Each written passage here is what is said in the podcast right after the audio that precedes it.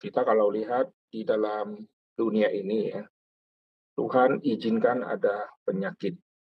Nah, penyakit itu bisa muncul karena bawaan lahir, penyakit itu bisa muncul karena di saat dia kecil, mungkin karena kurang vitamin atau apa, maka penyakit itu menyertai si anak itu sejak dari kecil. Nah, itu adalah penyakit yang tidak bisa ditolak oleh si anak karena ini sejak kecil dan bawaan lahir atau sejak baby. Nah, itu ada jenis penyakit seperti itu dan itu akan dibawa sampai dia mati. Lalu ada jenis kedua, penyakit yang disebabkan karena ada musibah atau kecelakaan. Misalnya karena ada kecelakaan tertentu, maka dia lumpuh, dia susah jalan, dia susah nulis, matanya rusak, matanya rabun, lalu kena gendang telinga, dia tidak bisa dengar lagi. Itu karena akibat kecelakaan. Nah, itu sesuatu yang juga kita susah untuk bendung, karena itu bisa terjadi, dan itu kalau terjadi, kita tidak bisa atur kapan waktunya, lalu kita tidak bisa atur kapan kita sembuh. Itu dari kecelakaan. Tetapi kecelakaan itu kita bisa minimalkan, yaitu kita hidup lebih hati-hati.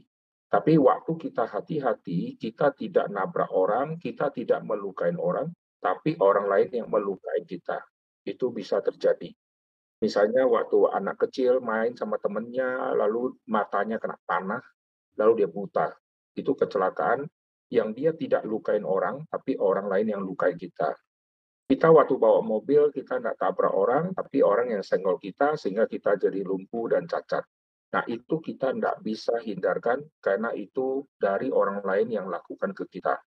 Lalu ada lagi penyakit karena umur kita semakin tua.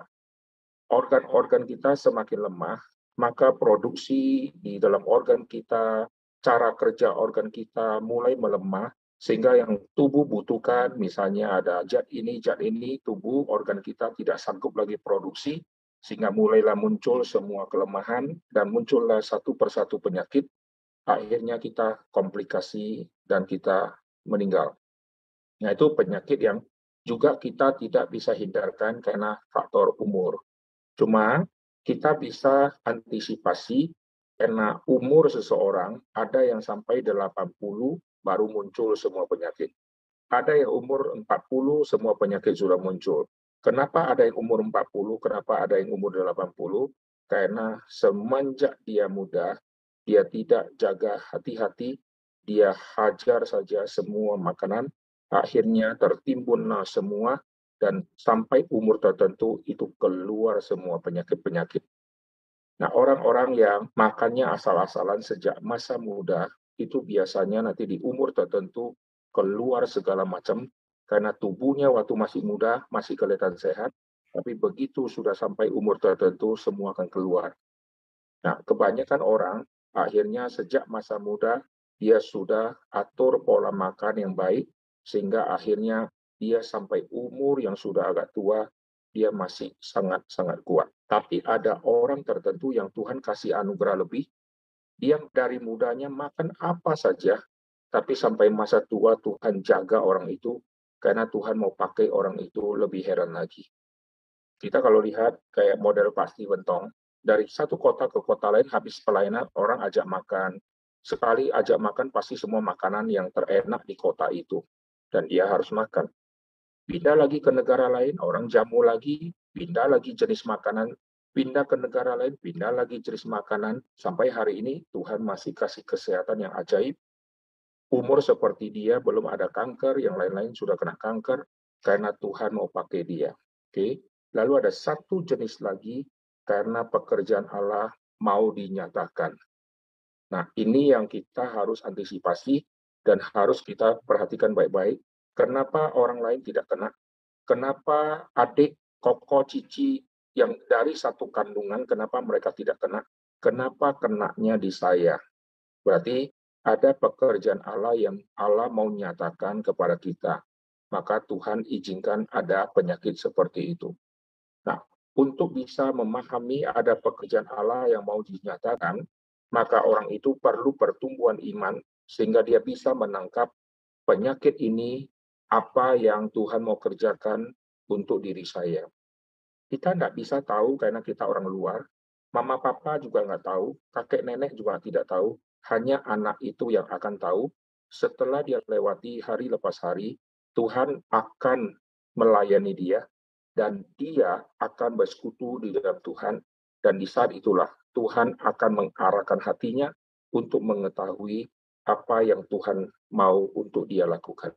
Maka setelah ada penyakit ini, anak mesti lebih dekat Tuhan karena mesti mengetahui dengan pasti Tuhan mau saya apa setelah saya pulih.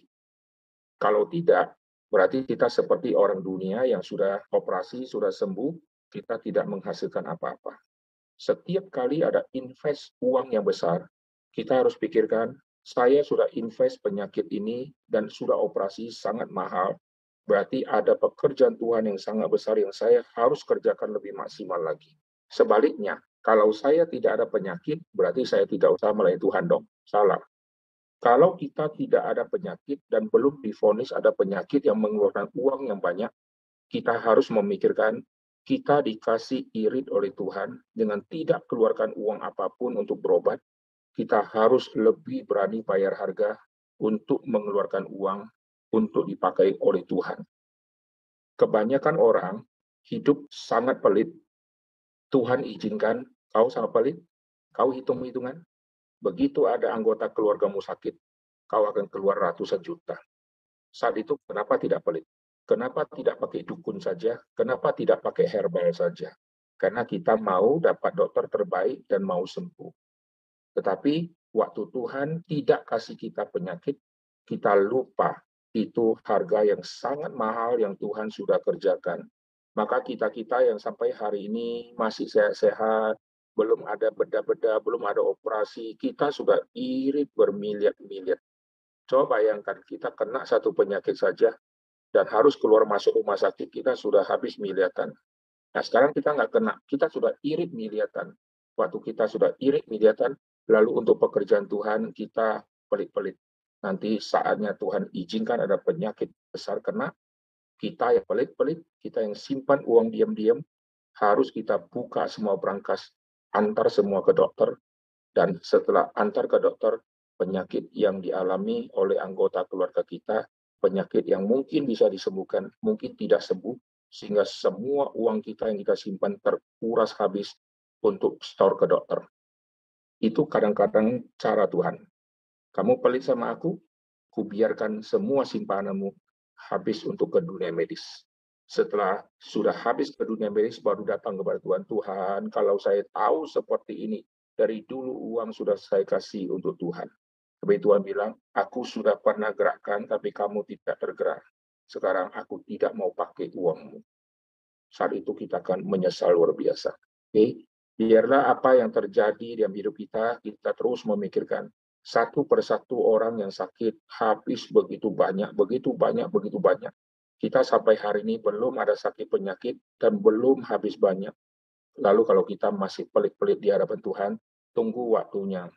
Tuhan akan izinkan yang kita simpan habis semua. Itu cara Tuhan yang ajaib.